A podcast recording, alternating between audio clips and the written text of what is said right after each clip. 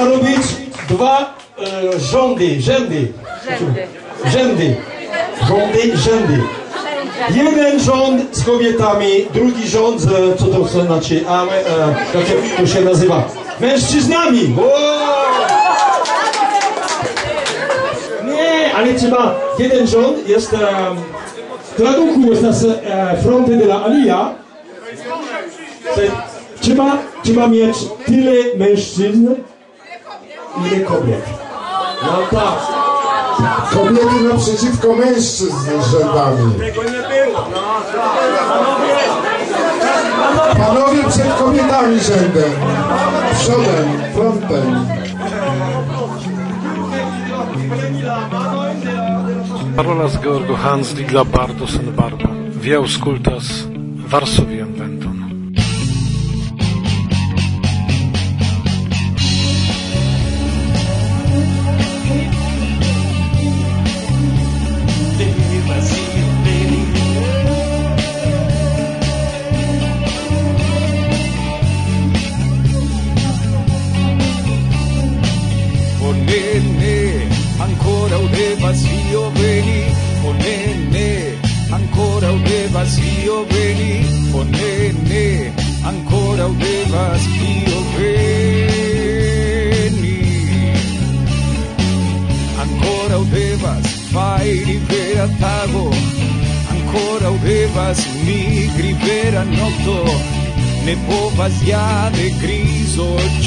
io pleni. Ancora udevas fai rivera tago ancora udevas mi vera notto ne povas ja de griso io pleni. O ne ne ancora udevas io veni o ne ancora devas io veni con me ancora devas io veni. Con me ancora devas io veni con me ancora devas io veni con me ancora devas io veni.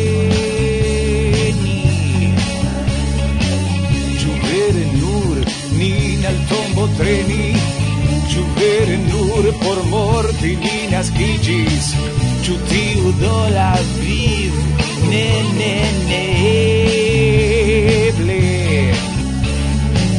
Ciu vere nur nin al tombo treni Ciu vere nur por morti ni nascigis Ciu tiu do la viv?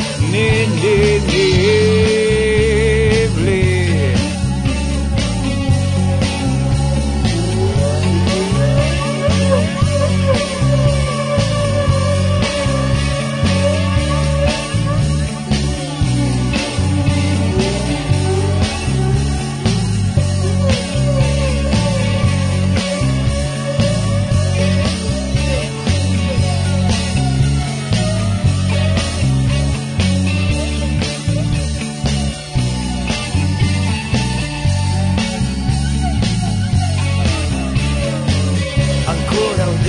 stai relatando ancora un devas ni libera nocto. Ne povas ja de griso cio pleni. Ciu vere nur nin al tombo treni. Ciu vere nur por morti ni nascigis ciu tio do la vivo ne ne ne.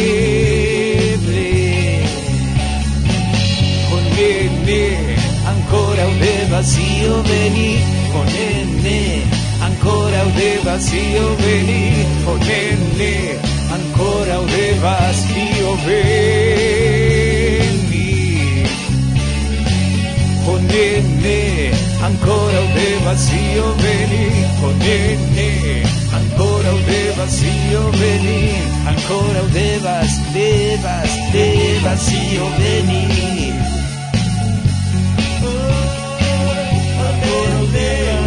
Hey, vacío, baby. Ancora o devas, devas,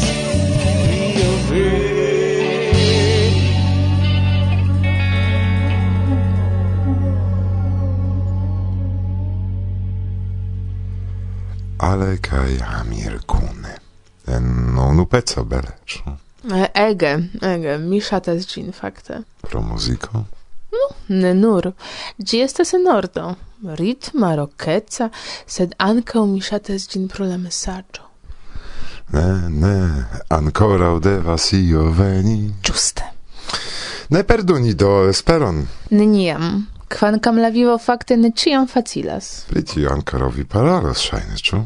Yes pri la manĝo malsanoj, pri kiuj ĉiuj ni scias, sed ne ĉiam ni komprenas, ke foje ili estas eĉ pli seriozaj ol ni imagas. Ancau Ania, nia YouTubistino, kies filmetojn vi povas trovi en la reto, trovo ligilon al ŝia YouTuba kanalo en la priskribo, elektis tre seriozan temon. Aktualan fakte, kai tre socian.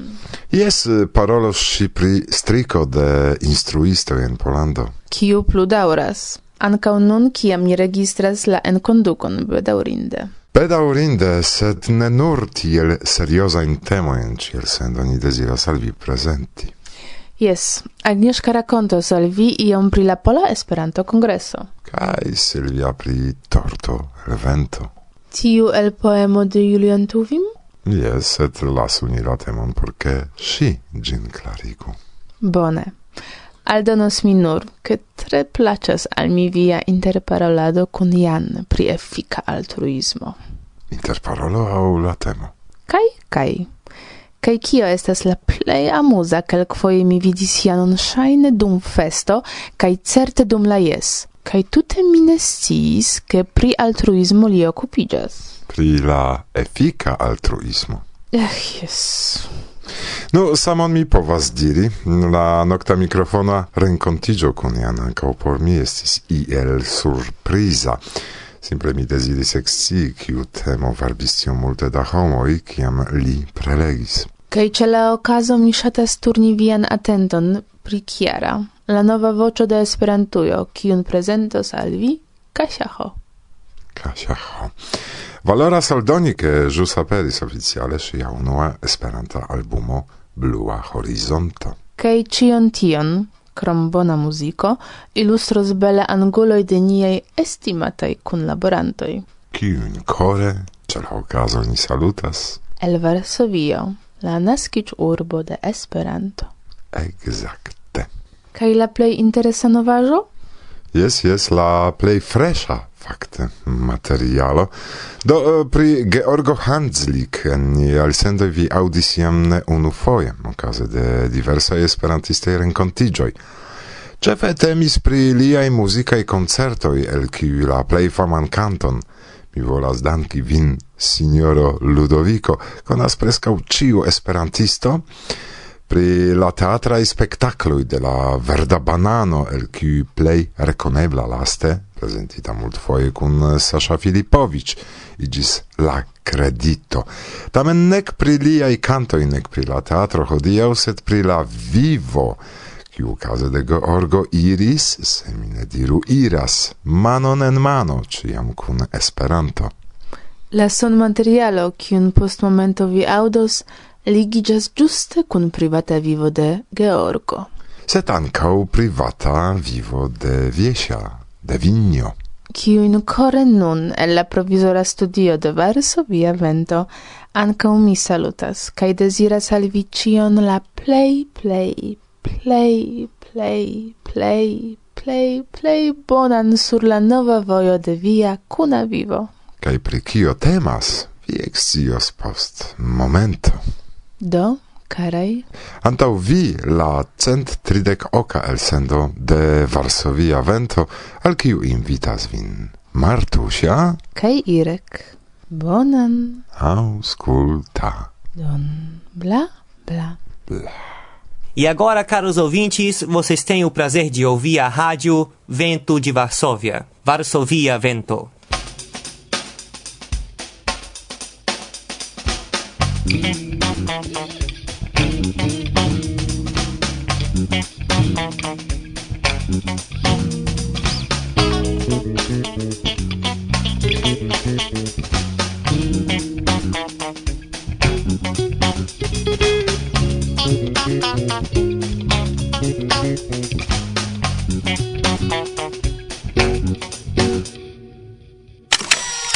Nowa piosenka. Pierwszy raz. Ĉu ŝi lin nun amas, ĉu reciproke samas, ĉu ŝi vere kore volas lin do fari? Ĉu ŝi lin nun amas, ĉu reciproke samas, ĉu ŝi vere kore volas lin Varsovia vento en specialaj cirkonstancoj nekredeblaj eĉ ĉar neniam pli frue okazis kaj mi ne scias ĉu ankoraŭ okazos iam en estonteco ke ni estos gastoj en fakte esperantista nupto aŭ geedziĝo.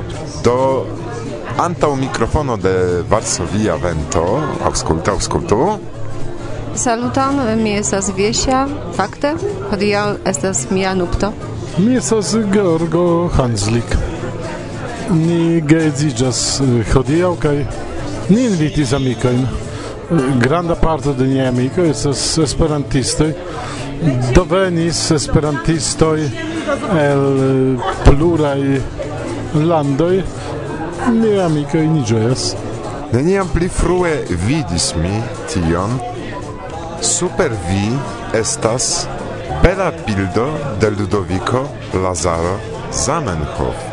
Vere exponita en medio ne nur esperantista, char venis ĉi tie multaj gastoj do familioi de ambovi, kunlaborantoj, amicoi, kaj estas nia esperantista familio kun iomo, kiu hodiaŭ formigis la publikon. Kia Ludovico Zamenhof ĉi tie en tiel videbla loco, char eĉ dum eh, esperantistaj nuptoj kaj edziĝoj ne vidis mi tion. Mi vidis esperantistajn flagojn, sed neniam grandan portreton de Ludoviko. Ĉar Ludoviko ligis nin kaj tio estas granda parto de nia vivo.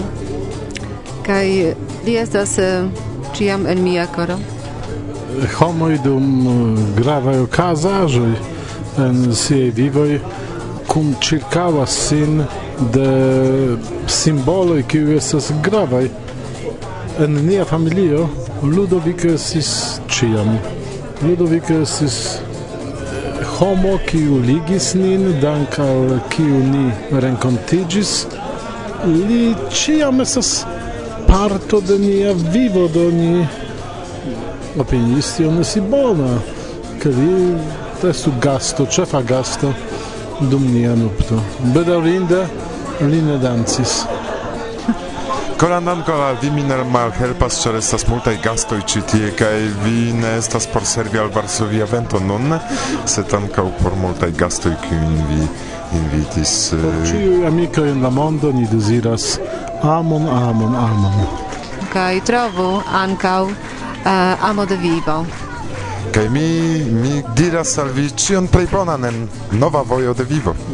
Post kelkaj tagoj ni iras kune al Francio kun mia filino kaj ni turneo stratuta Francio do vinio estos la capo de la escapado Eh, mia parto, eh, labor parto por Esperanto estas zorgado pri Georgo. Varsovia vento en nupto citien geedzigio, multaj gastoj, multe da manĝoj, permesu ke mi iros al la tablo kaj konkludo mia estas tia ke se pli ofte mi dankos unu al la alia en Esperantujo, Esperantujo estas pli bona. Eĉ danki al Ludoviko estas grave. Dankon, dankon, dankon. Dankon, karan. Vamos a mir.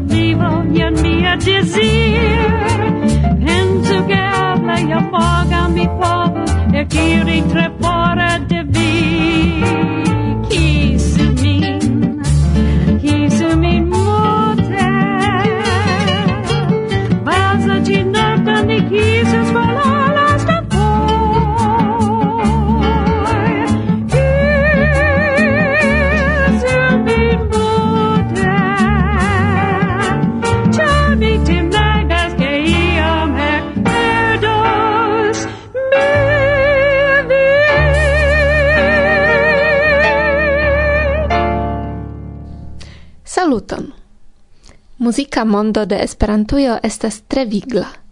Por ni, Varsovia vento, ciu monato alportas novain malcovroin, kiun ni volas dividi kun vi. Hodiaŭ mi instigas vin conatigi kun muziko de Chiara, itala kantverkistino, gitaristino kaj komponistino. Ŝia muziko enhavas elementojn de ĵazo kaj mondmuziko. Pro ŝia aŭtora kanzono ŝi gajnis gravan premion en Italio. Ciare Chiara eldonis sian unuan albumon en Esperanto, Bluan Horizonton, kun labore kun Vinil Cosmo kaj Itala Esperanto Federacio. Poste vi povas exci pli. Kaj nun, aŭskultu, estas premiero. Antaŭ vi, Chiara. Miras en liberec, kaj serĉe de nova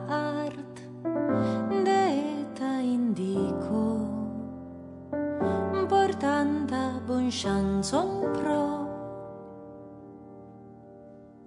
de segno terreno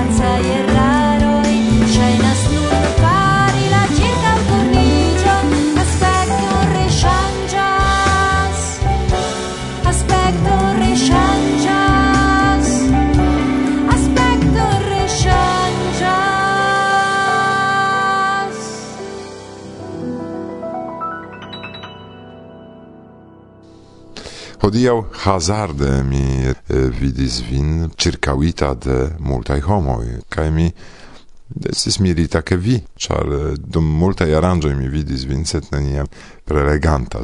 Do mi estis iam excitita pri cio vi povas paroli, che tiom multaj homoi collectigis. Saluton, mi estas Jan, mi estas de Francio, kaj do mi estas membro de IEFO, kaj tio estas mia tria jes. Kaj mi fakte jam prelegis pasintjare. Sed eble mi ne rimarkis, ĉar tiam mi estis okupita. vi ĉiam estas ege okupita, sed vi estis en la organizanta teamo, do tio estas tute komprenebla. Kaj do hodiaŭ mi prelegis pri efika altruismo.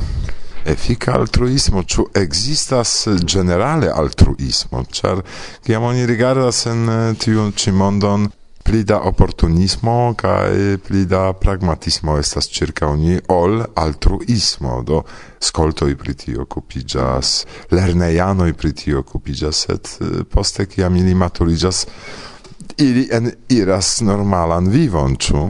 Jes, fakte, do tio estas granda demando. Mi diros tecniche che tio dependas de via difino de altruismo, Char estas fakte plurai difinoi, leble la plei comuna esti helpi la aliajn, sed generale oni ankaŭ pensas helpi la aliajn sen sia propra intereso, eĉ foje kontraŭ sia propra intereso. Mia difino de altruismo estas pli generala. Se vi faras ion kiu helpas la aliajn, mi povas diri ke tio estas altruismo, eĉ se tio helpas vin mem.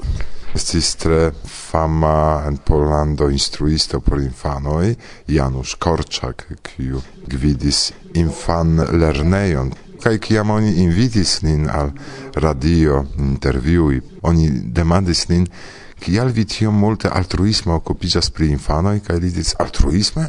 Mi estas egoisto. Char eh, dank al ili mi vivas, ĉu ne? Kaj tio estas por mi absolute egoisma afero. Fakte mi kredas ke li tute pravas, ke foje oni metas altruismo kontraŭ egoismo. Mi kredas ke tio estas du malsamaj aferoj. Do, ni povas esti egoista kiam vi agas por vi mem, kaj altruista kiam vi agas por aliaj, kaj vi povas fari ambaŭ samtempe, a vi povas esi nur egoista je kelkaj momentoj, nur altruista je kelkaj aliaj momentoj. Vi povas esti nek altruista, nek egoista, kaj tio verŝajne estas iom stulta foje. Sed uh, mi credas que, ok, vi povas esti samtempe egoista kaj altruista, kaj mi credas que multaj grandegaj altruistoj estas ege ĝojaj, ke e vere estas grandega ĝojo helpi la aliajn, kaj multaj filozofoj parolas pri tio, ke okay, ok, ni helpas la aliajn kaj tio estas vere nia vivmaniero kaj tiel ni eĉ ekfeliĉas. Kion vi prezentis al la homoj dum eh, via prelego ke ili tiom eh, atente vin aŭskultis? Do la efika altruismo estas movado fakte, kiu invitas nin helpi la aliajn, sed pripensi pri kiel plej bone helpi ilin. Do la ideo estas taksi siajn agadojn, por compreni ok tiu agado estas ege efika tiu agado estas malpli efika kaj elekti la agadojn laŭ efikeco laŭ kvanto da sukceso al via helpo. Kaj pro tio ni havas plurajn unuojn kiun ni uzas. Do tio estas fakte sufiĉe teknika afero. Do la ideo estas ekzemple do vi unue bezonas havi celon do pro tio vi bezonas klarigi multajn aferojn kiuj estas la aliaj kiu estas helpi fakte. Sed ekzemple se ni prenas ekzemplon vi povas diri ke se la homoj uh, vivas en bona sano dum pli da jaroj tio estas helpo. Aŭ se infanoj iras al lernejo ĝenerale ni povas diri ke tio estas helpo ke tio estas bona. Do se vi agas por tiaj celoj do vi estas altruisto. do mi comprenas che estas movado, yes. do movado estas ia maniere regulita. Estas ancau iui treinadoi, iui rencontigioi, pri technicae aferoi, cae ancau concernas psicologion, char tio estas tre grava instrui kiel contactigi kun homoi, ču? Yes, pri la movado generale tio estas movado kiu creigis pli malpli en universitatoi, de filosofo qui pensis pri morala filosofo.